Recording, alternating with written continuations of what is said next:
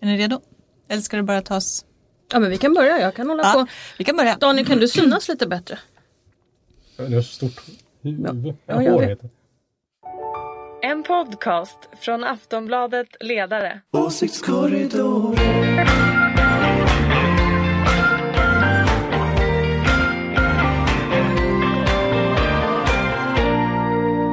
Hej och välkomna till Åsiktskorridoren. Eh, Det är onsdag förmiddag när vi spelar in det här. Det är den 10 april och våren har definitivt tagit en time-out i Stockholm i alla fall. Eh, Men trots det så har finansministern precis presenterat en vårbudget idag. Eh, Vi har mycket att prata om. Vi ska prata om den bland annat förstås. Och med oss har vi Ulrika Schenström som är moderat. Yes box. Vi har från Aftonbladets ledarredaktion som är oberoende socialdemokratisk, Daniel Svedin Hej. och Anders Lindberg. Hej! Och jag heter Anna Andersson. Hej! Eh, hej! Vi börjar med ett besked som kom igår att regeringen kommer att ge garantier för, om, eh, för Stockholms ansökan om vinter-OS 2026. Är det dåligt eller är det dåligt Ulrika? Ja, det här är ju en väldigt svår fråga och den engagerar ju oerhört många människor. Men jag har nog landat i att det är väldigt dyrt och det kommer att bli väldigt mycket tjafs och går man in i lågkonjunktur så kommer alla vara arga men det är roligare att säga ja. Så det säger jag. Ja, Ja. det kanske blir en baksmälla men då har vi ändå fått ha fest. Okej, okej. Eh, Daniel. Du är en entusiast. Ja, nej, precis. Det här är svenskarnas öde. Eh, Det finns en, Hörru Heidenstam.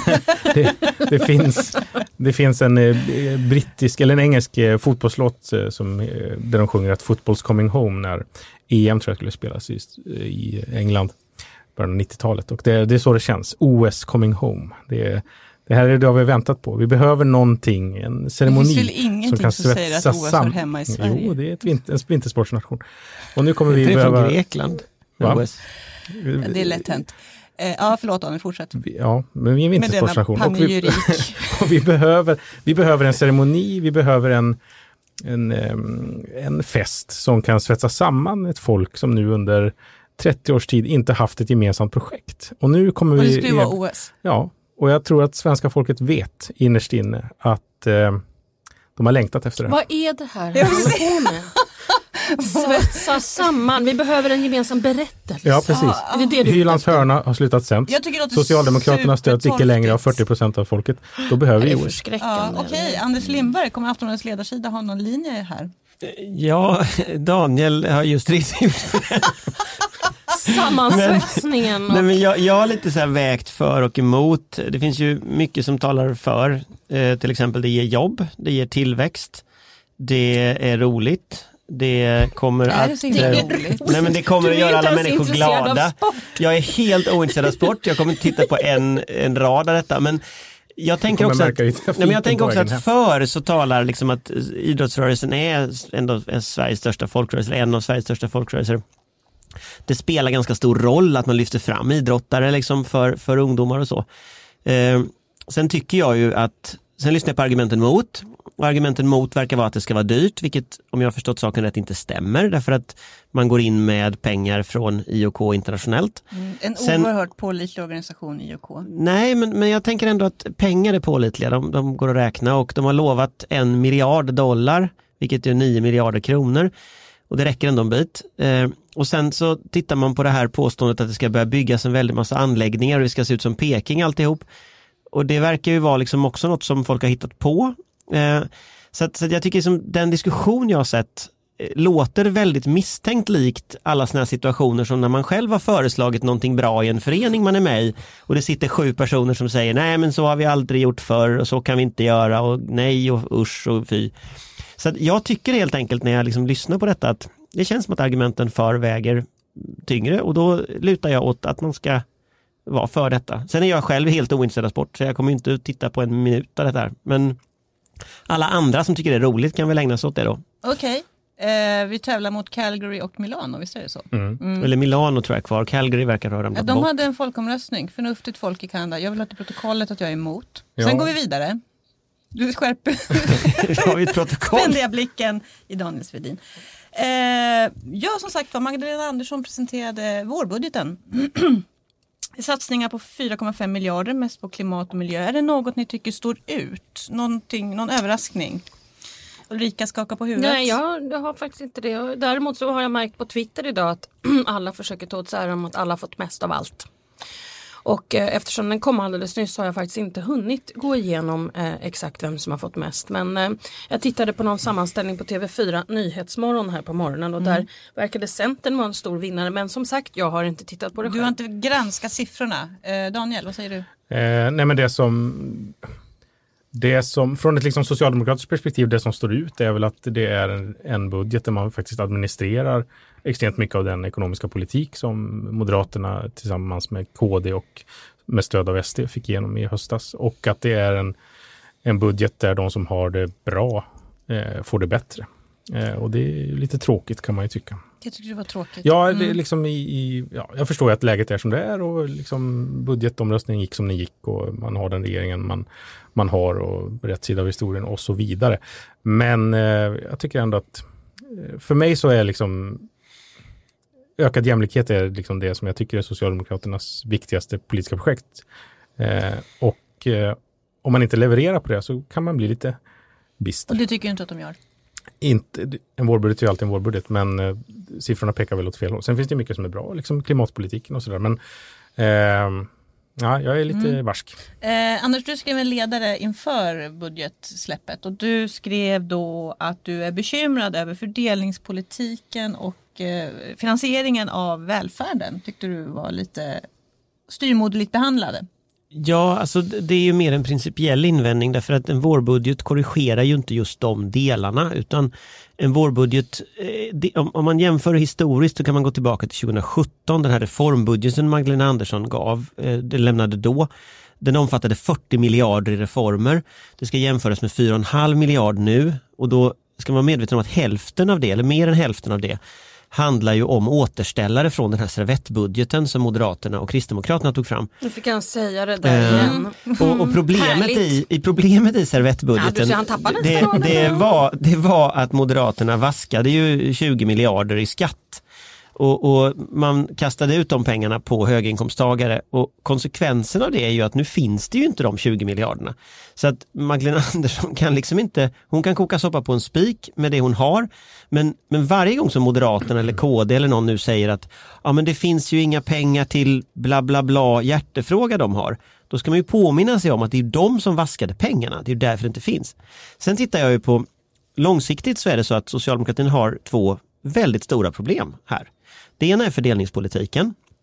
Och det finns ingenting i den här budgeten som pekar framåt mot liksom någon form av bättre fördelningspolitik. I- Till hösten kommer det ju liksom förslag säkert i, i budgeten kring det men, men då kommer ju också en borttagning av värnskatten som bara de absolut högsta inkomsttagarna betalar. Så, att, så att jag är tveksam till att det kommer att förbättras. Och det andra är ju välfärdens finansiering. Och då finns det ju 5 miljarder per år nu de kommande fyra åren till i ökningar till välfärden. Eh, det räcker ju inte på långa vägar när man frågar eh, kommunerna. Så man ser, det är två strukturella jätteproblem som finns på något sätt under budgeten. Så budgeten är väl så bra man kan komma, men de två problemen måste sossarna ta tag i. Eh, och de kommer att spränga det här bygget ganska snart. Det här var ju liksom första skarpa läget också för, för det här januariöverenskommelsegänget kan man väl säga. Ja, och oavsett vad man tycker om resultatet så verkar de inte vara ovänner i alla fall. Nej, okej, så var det jag tänkte Jag hörde Ja. på, vad heter han, Centerpartiets, eh, för tappar jag bort hans namn nu. eh, Martin Ådahl. Nej, inte Martin Ådahl utan det är Källström. Emil ja. Källström. Jag hörde Emil Källström i morse, förlåt Emil Källström att jag glömde bort ditt namn. Ehm, och eh, nej, han verkade ju hyfsat nöjd faktiskt och så. Och tyckte att han hade fått en hel del saker och att eh, det som han hade fått kritik för på morgonen här om pengar till pensioner och, pensionärer. Det var ju pengar som var innestående som inte hade kunnat användas. Nu har jag som sagt inte studerat ifall hur pass höga nivåer som eh, bidragen till säga, budgeten kommunerna. är ju två timmar gammal. Ja, så att jag har inte sett att- vad som stämmer eller inte. Men eh, han debatterade ju i eh, P1 Morgon med ehm, eh, Forssmed, Jakob Forssmed på Mm. Kristdemokraterna. Det var ju ganska intressant att det var en centerpartist och en kristdemokrat Mm, ändå. nya Som tider. alliansflicka så kände jag mig lite sådär förvirrad i Jag morse. förstår. Men, men där kan man ju också säga att Kristdemokraterna försöker sig ju på en kommunikation nu som är att man borde ha satsat mer på ditt och datt. Eh, den är ju helt ohedlig. Det här, och det här kommer vi att se nu jag de kommande åren. Att dels så kommer Kristdemokraterna att lova eh, skattesänkningar. Och nu, genomförde, nu blev det tyvärr så för Kristdemokraterna att deras skattesänkningar genomfördes. Så varje gång de säger det finns för lite pengar till X, då ljuger de. Okej, det här är Så. din strategi kan man säga för... eh, Nej men det, det är sant, det är ett faktum. Därför att det är de som har tagit väck pengarna. Och det här kommer ju Kristdemokraterna att jagas för hela vägen fram till valdagen. När de säger mer pengar till pensionärerna, då ska man ju ställa frågan, ja men varför skickar ni då alla pengarna till höginkomsttagare i Danderyd? Och, och, och när, innan Jakob Forssmed har svarat på den frågan så har han inga svar på någonting, är min tolkning. Det kan man ju säga social, kommer ju bli Socialdemokraternas problem också, apropå det som Anders nämnde om, om värnskatten i, i, i eh, som kommer i höst, att man tar bort den. Och det är det som är det dubbla, liksom att så, Kristdemokraterna kommer försöka attackera den här regeringen från vänster eller liksom ha en mer eh, i ex- sociala frågor. Ja, Samtidigt ska vi ha- väl- Frågan. Mm. Samtidigt ska vi väl komma ihåg att det finns nya socialdemokrater alla Fredrik Strage där alla bor i Stockholms innerstad och har röstat på Socialdemokraterna för att verkligen vara säker på att inte Sverigedemokraterna får något inflytande som nu får bet- förbättrade 3.12-regler och borttagandet av värnskatten. De kommer ju vara oerhört lyckliga de här, de De här här, åtta eli- personerna, de här elitsossarna i Vasastan. Ja, nej men som, som polit, om man Ja, ska 2 vara lite... procent tror jag de gick upp faktiskt i vissa distrikt. Från, Direkt från eh, alliansen till, till Visst. sossarna. Det står ju Och i hög, in, höginkomsttagare. det står ju i valanalysen också att man, det- den, den liksom viktigaste tendensen i det här valet för Socialdemokraterna var att man tappade arbetarväljarna och vann på ställen där man inte har vunnit på 30 år. Ja, någonsin. Ja, Handelsstudenter det går bra, med riskkapitalbolag som helt Eh. plötsligt har blivit sossar allihopa. Precis. Nej men det är väl det man, det skulle ju kunna vara den absolut Vi kommer tämligen... ju aldrig bli av med dem efter det här borttagandet av värnskatten. Det är ju det som är så fantastiskt. Okej, Daniel måste avsluta sitt Eh, resonemang här. nej, jag, jag hade inget mer att säga. Nu sitter hon och, li, nu sitter hon och Jag såg ju lipar. det. Nu sitter hon och Ja, jag lipar. lipade mot honom. Eh, man, man får väl tro att konjunkturen har pikat, att det är lite utförslöpa nu. Är Ja. Sverige redo för en lågkonjunktur? När den nu kommer? En lösning är att satsa såna här, man satsar mycket på expansiv finanspolitik, till exempel att man satsar på ett jättedyrt OS. Precis, nej men det vore ju det, vore ju det liksom logiska nu. Jag såg det var någon eh, amerikansk eh, ekonom som sa att det är jättekonstigt att Sverige har så mycket pengar sparat och liksom eh, kan låna jättemycket men att man inte, att man inte, att man inte tänker göra det. Eh, för att det borde man göra. inte Och det, tänker låna. Nej, precis. Man tänker inte låna, man tänker inte satsa. Liksom. Är, man stramar åt. Det liksom, pengarna är slut fast de inte är det. De ligger sparade på hög för att vi ska nästan nå överskottsmålet. Och, ehm, det, det är ju liksom, återigen, liksom, det blir det som blir Socialdemokraternas problem, tänker jag, i höst, eh, egentligen på allvar. Att man, man, Lena Hallengren skrev en debattartikel igår där så här, det får vara slut på småduttandet, det måste till stark, liksom, riktiga förstärkningar i, i kommunala sektorn. Eh, och då pratar liksom SKL och Konjunkturinstitutet om att det är liksom i storleksklassen 40, 60, 70 miljarder kronor som måste till. Eh, och så svarar Socialdemokraterna med 5 eller 10. Eh, och att, att förklara varför, varför tycker vi inte att, att, att våra myndigheter och kommunen har rätt när de När de larmar. presentera sina behov. Liksom. Det tycker jag kommer, det, det kommer ju bli den stora utmaningen för Socialdemokraterna i höstbudgeten när man samtidigt skänker, sänker skatterna för de stenrika. Sen har vi ju liksom en, en, skatte, en skatteutredning som ligger på gång där eh, Annie Lööf har sagt att det kommer inte bli några höjda kapitalskatter, det kommer inte bli någon arvsskatt, det kommer inte bli någon fastighetsskatt. Det kommer inte bli någonting eh, som gör att de människorna som har tjänat gott på de här åren med ökande klyftor och liksom avskaffade eh, skatter för rika eh, ska få med och betala för ett, att välfärden överhuvudtaget funkar. Ja, jag blir, Mm. jag blir Du deprimerad. blir konfunderad. Fast Ja. det, där är Ja. ju, det, det är ju så också intressant när man lyssnar på sossarnas argumentation här. För att de- de säger ju å ena sidan att man ska inte fundera så mycket på, på fördelningspolitiken eftersom den stora fördelningspolitiken är ju välfärden. Att välfärden är gemensamt finansierad och att det är en gemensam välfärd som finns. Å andra sidan så diskuterar man inte välfärdens finansiering. Så att på ett sätt man, så man bollar liksom de två, de två elefanterna i rummet på något sätt mellan varandra här. Svårt bollande med två elefanter Nej men det är väldigt svårt men bollande och jag tror ju att det, jag tror ju som dilemmat som man har här det är att, att ska båda de här sakerna, både fördelningspolitiken och eh, välfärdens finansiering handlar om skatter. Och där är man lite låst. Så att, så att, om, om konjunkturen nu viker då, är det ju, då, får, då måste man ju ställa ett frågetecken vid om liksom, nästa budgetförhandling, om de ser lika glada ut när de kommer ut från den. Eller Eller de om det börjar gör knacka. Det kommer, bli, liksom. det kommer bli komplicerat men jag tror de kommer klara det. Och Liberalerna kanske har ny ordförande den dagen också, eh, eller det kommer de ju Det ha. kommer de ju ha. Så Ja. att liksom, alltså, det kan, Okej. mm, Men det här blir, det blir spännande framåt höstbudgettider. Kan vi Imagine the softest sheets you've ever felt. Now, imagine them getting even softer over time. I'm here to tell you about Bowl and Branch sheets. In a recent customer survey, 96% replied that Bowl and Branch sheets get softer with every wash. They're made from the rarest organic cotton and designed to get softer over time. Try their sheets with a 30-night guarantee, plus 15% off your first order with code BUTTERY. So head to B-O-L-L and branch.com today. Exclusions apply. See site for details. Att säga. Men då, vi lämnar vårbudgeten för nu. Nu ska vi prata lokalpolitik och vi ska inte prata NKS, vi ska inte prata Stockholms lokaltrafik, vi ska prata om Falun. Det var länge sedan vi pratade om NKS. Det var det faktiskt. Anders? Tänk Det att var vi inte har faktiskt det pratat på om det på Det länge. Men nu ska vi faktiskt. prata om Falun. De hade sitt extraval i söndags eftersom en säck röster kom bort. Mm. Eh, vi senast, nu som Postnord eh, slarvade bort. Det, upp- det var inte Postnord ska jag säga. Jo. Jag. Jag visar upp valresultatet bara. Det det. Ja. Mm. Fast Ja. det var Postnord, fast Postnord hävdar att det inte var Postnord. Okej, vi lämnar Postnord därhän. För de röstade och det som hände i, sto- i grova drag var att Vänsterpartiet, Centerpartiet och Kristdemokraterna gick framåt. Sverigedem- eh, Socialdemokraterna stod ganska stilla. Miljöpartiet och Sverigedemokraterna backade lite. Liberalerna och Moderaterna backade ganska mycket. Hur mycket backade Moderaterna? Nu har jag inte siffran här. Nej, vi kollar det sen. Procentenheter tror jag. Jämfört då med det resultat som kom i september som då inte var giltigt. Så det är inte jämfört med 2014 utan Nej, Då är det lite andra rörelser. Ja. Eh, hur representativa tror ni att de här rörelserna är för resten av riket?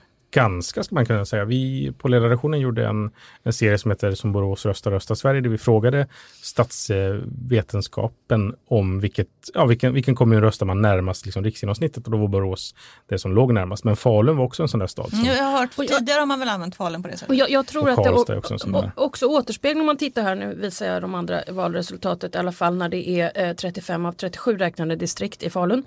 Eh, så kan man se att det är en polarisering som dyker upp här. Va? KD går uppenbarligen upp, Centern går upp, det är en polarisering men också vänstern.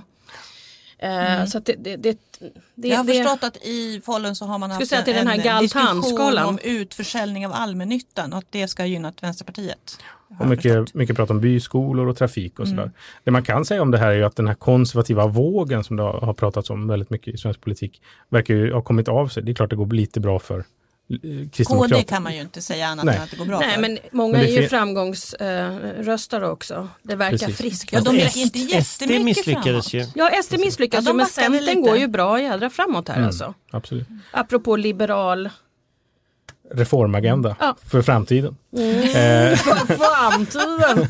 Lät nästan som Carl Bildt där. Men deras, deras företrädare Joakim Stork tror jag han heter, han är ju väldigt populär eh, kommunpolitiker.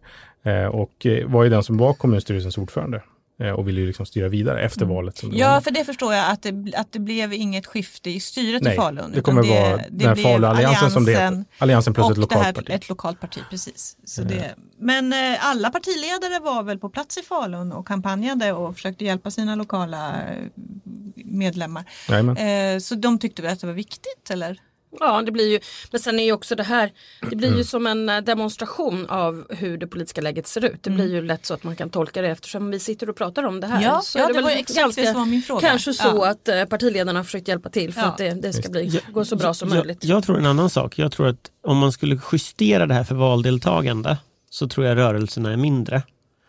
Och då, eftersom valdeltagandet var ju... Det var lågt, Det var, 59,5 procent. Ja, och, och, och i normalt, ett normalt val är det över 80. Så, att, så, att, så att justerar du för valdeltagande så kan nog förklara SDs siffror till exempel. Men vad som är intressant är att Socialdemokraternas siffror kunde inte, minskade inte med ett lägre valdeltagande. Och, och det betyder nog, tror jag, att demografin också inte ser ut som vi traditionellt har tänkt oss. Att det är liksom de lågutbildade och, och sådana som ofta inte röstar, som röstar på Socialdemokraterna. Och här finns det en socialdemokratisk mytologi som är att om vi bara får upp valdeltagandet, då kommer man minsann att lyckas. Då kommer man att ta hem det här. Den verkar inte stämma. Och tittar man på Moderaternas valresultat, det är heller ingen vidare valresultat. Eh, och, och det tyder också på att det så fortsätter neråt efter valet för Moderaterna. Och så, så ska man analysera Ja, men det. sen, senaste mätningen gick ju Moderaterna ner 1,8 procent. Det var ju i en demoskop i lördags, eller i fredags kanske. Jo men det intressanta är för valdeltagandet. Normalt Ja, ja. sett röstar Moderaternas väljare. Alltså normalt sett så är det Folkpartiets väljare, eh, Liberalernas väljare och Moderaternas väljare som röstar i högst utsträckning. Eh, och tittar man då att Moderaterna trots detta går ner, Och trots ett lågt valdeltagande. Ja fast Liberalerna är ett kaosparti just nu. Jo, jo, men om, om man bara tänker på de två partierna, då ser vi nog en socialdemokrati som ändå har hållit ställningarna och moderater som faktiskt går rejält mycket sämre. Och om jag översätter det här till ett EU-val, då kommer det att betyda att i EU-valet så kommer sossarna ha ungefär som nu. Men Moderaterna ser ut att gå mot kan, en av sina värsta valkatastrofer. Eh, Ja, om det, kan här bli fortsätter. problematiskt och jag, jag har Men varnat är för det här jättelänge. EU-valet alltså ändå så här, skiljer ganska mycket mot... Jo, men inte det här valdeltagandet. Det spelar Det är det som är inte grejen. så stor Det här roll. är Alltså lite samma. medielogiken och liksom bildsättningslogiken kommer ju vara så att vad Moderaterna eller för andra delen andra partier också får i Europavalet kommer ju att spegla hur man tror att det kommer att gå för det här partiet den här mandatperioden. Så att det gäller ju alla men särskilt medielogiken faktiskt när det gäller Moderaterna just nu. Det håller jag helt med om. Och det är också självspelande. Så att om alla säger att Moderaterna är ett krisparti så kommer det naturligtvis att gå dåligt för alltså det, det blir ju också så, som, som, som L just nu. Alla säger att L är ett krisparti. Gör de ett bra val i EU-valet, då är krisen slut. Så att liksom dynamiken, jag tror att man, man ska, man, partierna, om jag känner dem rätt, tittar väldigt noga på Falun inför EU-valet. Mm. Ja men precis. Det här var ju liksom en värdemätare och, och särskilt Liberalerna var ju väldigt oroliga att så här, ja, vi kommer straffas stort av våra väljare. Men ja, de backar men de klarar sig ändå kvar i, i kommunen. Eh, och eh, nästa möte blir ju det riktiga med hela svenska folket. Det blir ju EU-valet. Mm, Och, 26 eh, maj. Precis. Vi, men jag känner att vi kan nästan, det finns en naturlig brygga här, att vi fortsätter prata om krispartiet Moderaterna. Ja, Eh, för det ska vi göra. De höll alltså sitt Sverigemöte i Karlstad helgen som gick. Eh, för den som bara var lite som jag, helgledig och man kastade ett öga och lyssnade på en ekosändning här och där. Så var det så ganska symboliska saker som man noterade. Till exempel två rekryteringar som stod ut. Alice Teodorescu och Mauricio Rojas. De ska ar- arbeta med deras idéprogram och eh, integrationskommission som de så storartat eh, kallar det. Och sen att de bytte logga till en Nygammal. återgång. Ja Till den en gamla och Boman. strök nya i Moderaterna helt enkelt. Och stryka nya det tycker jag ju man kan göra för det är ju liksom, man kan inte vara ny hur länge som helst. Ehm, däremot så... Och, Nya testamentet. Jag, jag är inte någon expert på loggor och sånt där. Nya testamentet. Det är fortfarande nytt, Ja, det var sant. faktiskt väldigt roligt. Jag tackar särskilt för den. ja, men försöker vara lite seriös då. Ja. Eh, så det, det kan man ju faktiskt Nya Kaledonien. ja. ehm, nej men jag är ingen expert på loggor och sådär. Jag är eh, kanske lite, Men. men, men är lite sådär Men redan de gamla grekerna. det kanske blir mer fokuserat på en förändring av loggan på innehållet i politiken. Det, det kan man ju Ja men väl alltså kanske. är inte signalerade inte alltihop liksom en stor tillbakagång bara till någon gammal. Ja det kan ju lätt göra det om man tar fram en gammal logga. jag är Ja, inte så säker på att det är och- det som är ledningens ja, vilja. Även de här namnen jag nämnde är ju någon slags eh, ändå konservativa fyrbåkar. Ja, jag noter, ja, men jag gick ju igenom det där med, alltså idéprogram är, är, är säkert jättebra. Däremot tror jag det är väldigt viktigt att man har riktiga reformgrupper också eh, och så. Och tittar man då på, på idéarbetsgruppen så finns det ju faktiskt ganska många bra, även liberala namn i den idéarbetsgruppen. Jag är inte säker på att man kanske alltid tänker på vad man signalerar men det finns väldigt många som inte är eh, av den uppfattningen som Alice till exempel är i olika frågor. Och framförallt kanske inte ordföranden Kristoffer Fjellner. Så jag tror man ändå har gjort någon De slags försök till avvägning där. Eh, Daniel, förlåt, vill du säga något? Eller Nej, nej, jag tänkte jag skulle berätta något, säga något Ja. om den här kommissionen men vi kan ta Ja, runt. Daniel. Nej men det är just den här med loggan är intressant för det är väl det som de flesta noterade att man återtar den här gamla logotypen som man väl ja, antingen känner igen den från Gösta Bohmans tid eller så som jag, liksom Carl Bildt och, och Bo Lundgren. Det är liksom den, den, den, de moderaterna som jag växte upp med. Mm. Eh, men det som jag tycker är roligt med Ulf Kristersson, eller roligt, men som är lite konstigt är här, han, när han fick frågor om det, då var det som att han, han, han tyckte inte om, jag vill inte prata om symbolfrågor, kan vi inte prata om mina viktiga långa linjers politik och sådär. Han är så jävla grinig hela tiden. Alltså, nu har ni tagit, ni vill ju signalera någonting med det här logobytet. Ja, annars skulle Eller att- inte ha gjort det. Nej, och så vill partiordföranden inte prata om det. Ni vill bara prata om symboler. Ja men ni har ju bytt symbol av en anledning. Vad betyder den? Eh, Nej, och det var det där jag var lite orolig för när man byter symbol. Man kan, man kan ju, ja, jag vet inte, tajmingen Jag var... läste en, läste en gammal intervju med Peje Emilsson som var en av de som tog fram den här gamla loggan 1970 och då var ju, då var ju M rött för att man liksom skulle fucka upp fullständigt och så här, nu Moderaterna heter inte Högerpartiet längre, vi heter Moderata samlingspartiet och vi har en röd logotyp. Nu var det faktiskt inte Peje Emilsson om vi ska vara riktigt, men det var någon på Kreab antagligen. Mm. Ja, han och eh, eh, någon till farbror påstod sig ha hittat på den här i alla fall. De satt bredvid Carl Bildt och eh, Adelsohn och sådär i något rum på 70-talet och hittade på den. Och då pratade han om att nu, den skulle liksom signalera eh, såklart det som Nya Moderaterna skulle signalera också. Så vi är ett Jo, annat sorts, det är breddning och bort för- från, med tanter i päls. Men, men, men, men, ja. Eh, och sen, det är ju knappast det som det här signalerar, att man så här vill bredda sig, utan hela idén är ju så här, ja, men som för mig, jag är född 1983, eh, för mig är det här moderatämnet är valet 2002. Eh, det är liksom katastrofvalet. Tillbaka. Ja, och det var lite grann det jag ville bara addera då Mm. och så på det du sa, inte säga emot dig utan bara att för, för mig, jag har väldigt, jag är inte alls bra på loggor och den här loggan Nya Moderaterna den kom sig alltså av att om det var Veckans Affärer eller, eller, eller eh, ja, någon som hade skrivit då om det projekt som vi höll på med och jämförde det med New Labour. Och, och då var det så att faktiskt Aftonbladet tog upp den där artikeln och skrev någonting och höll på att larva sig och gjorde heter ni nya Moderaterna nu. Så den loggan var ingenting vi planerade utan den kom sig av det så att säga. Och det kom sig ut av att vi hade räknat ut utanförskapet och vi hade gjort en lång, lång, lång intervju i LO-tidningen med Fredrik Reinfeldt och Eva Uddén Sonnegård och Hans Lindblad satt och räknade och räknade och räknade. Så det fanns ett reforminnehåll och den sen kom loggan.